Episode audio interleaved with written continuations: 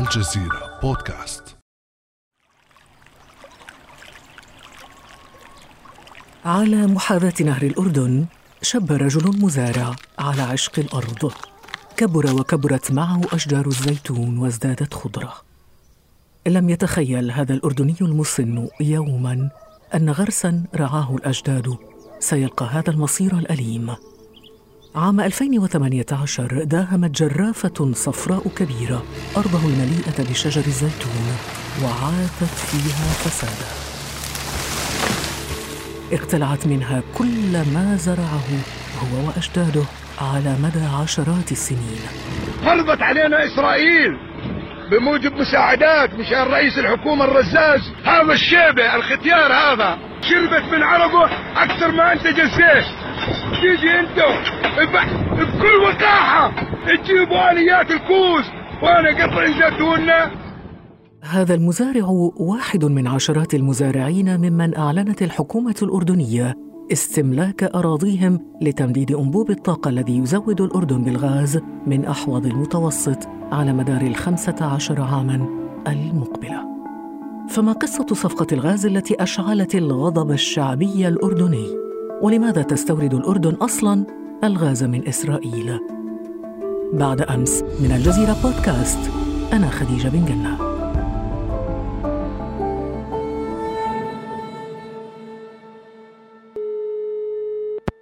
ألو؟ صباح الخير دكتور. اهلين خديجة كيفك؟ الحمد لله أهلا بك شرفتنا اليوم في هذه الحلقة.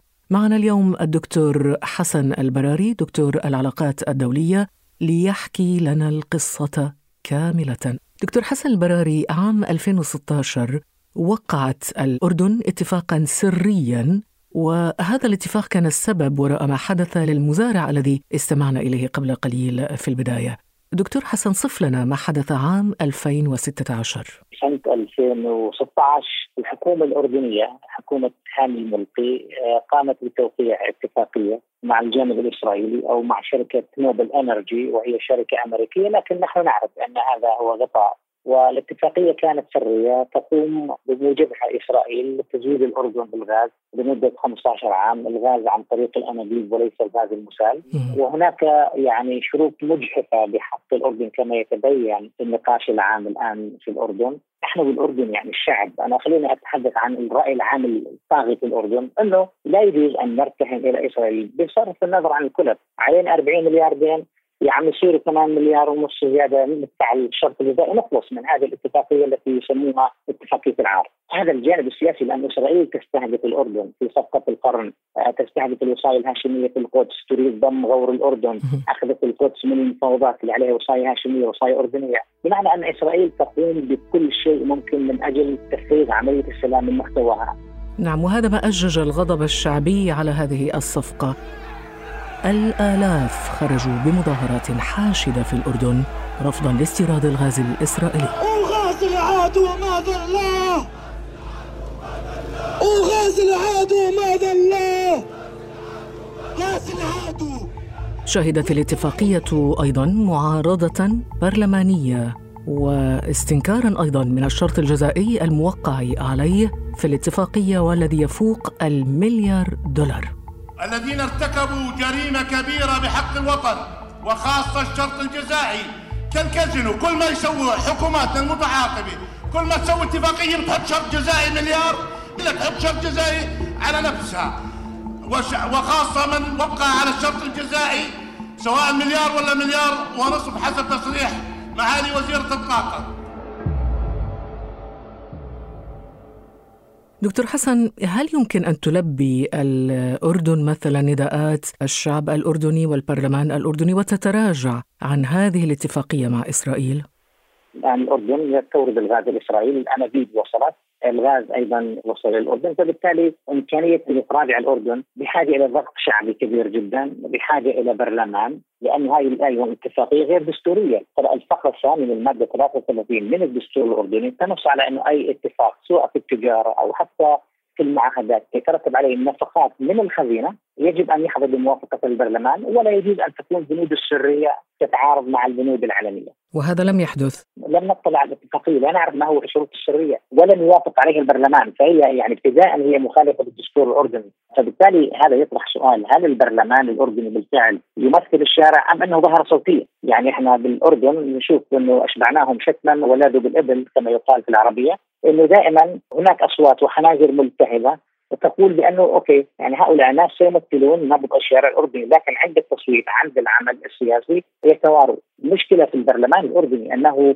يعني البرلمان لا يمثل الشعب الأردني، الشعب الأردني موقفه واضح تماما. الخليجي هو ضد إسرائيل، ضد السلام مع إسرائيل، وضد أيضا اتفاقية الغاز بصرف النظر عن الجدوى الاقتصاديه لأن القضية قضية سيادية، القضية قضية سياسية، قضية تتعلق بكرامة الأردنيين، أنا بتقديري أن الشارع يضغط، الشارع لا يريد هذه الاتفاقية على اعتبار بأنها يعني اذلال الأردنيين لأنه هذا غاز مشروط، غاز فلسطيني مشروط، إسرائيل تتنكر لحقوق الأردنيين قبل حقوق الفلسطينيين، فبالتالي ما هي جدوى هذا الشارع الأردني الذي يقول بأنه من الاستحالة فصل ما تقوم به إسرائيل مع الفلسطينيين والتنكر لحقوقهم ولحقوق الأردنيين وما تقوم به الحكومة الأردنية من علاقات وكأننا نتعامل مع دولة طبيعية وكأننا نتعامل مع دولة عربية دكتور حسن هذه الاتفاقية السرية لا تحتاج إلى موافقة البرلمان الأردني لأنها تمت بين شركتين غير حكوميتين هل هذا مجرد تمويه لتمرير هذه الاتفاقية حتى لا تشكل كما قلت من قبل مخالفة لنص الدستور؟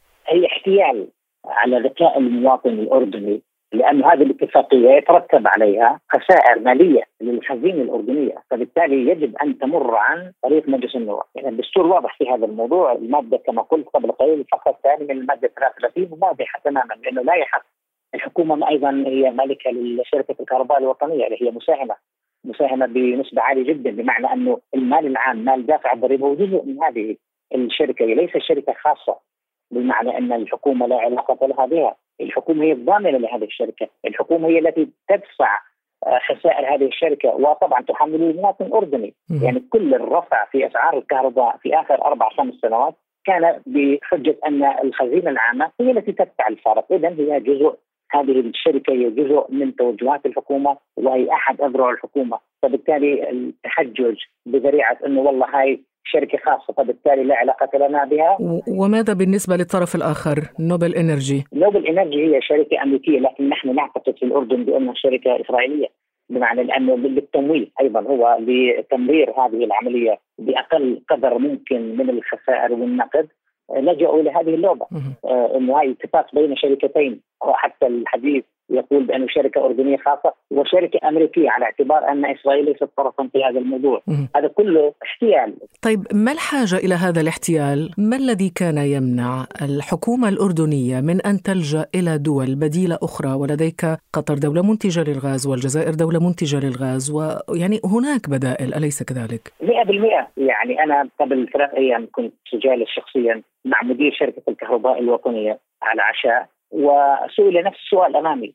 ما يقول بأن الجزائر لم يقدم عرضا وأن العرض القطري كان أعلى من الاسعار العالمية. هكذا قالوا لنا. ما نعرف حقيقة هذا الأمر. يعني لم نسمع ردا قطريا أو تصريحا قطريا. هذا الكلام كان في عام 2012 و2013 عندما كان الأردن بحاجة إلى بديل. فبالتالي لجأوا إلى الجانب الإسرائيلي، نحن نعتقد أن هناك في إسباب سياسية، هناك ضغوطات أمريكية على الحكومة الأردنية لتوقيع هذه الاتفاقية، وفي الأردن في الحديث العام هناك من يقول بأن وزير الخارجية الأمريكي السابق عندما كان وزيرا خارجيه جون كيري هو الذي ضغط على الأردن باتجاه توقيع هذه الاتفاقية، يعني هناك في بتقديري هناك في ضرب سياسي تجاوز الحاجة الاقتصادية وتجاوز أيضا الحكمة التي لم يتمتع بها صانع القرار في الأردن، فبالتالي الآن يصطدم مع شارع، شارع يرى بأن فلسطين محتله وأن هذا الغاز غاز مسروق ويباع إلى الأردن وبأعلى من الأسعار لأنه إحنا الآن نعرف بأنه الوحدة الحرارية البريطانية تباع بتقريبا قرشين بالأردن.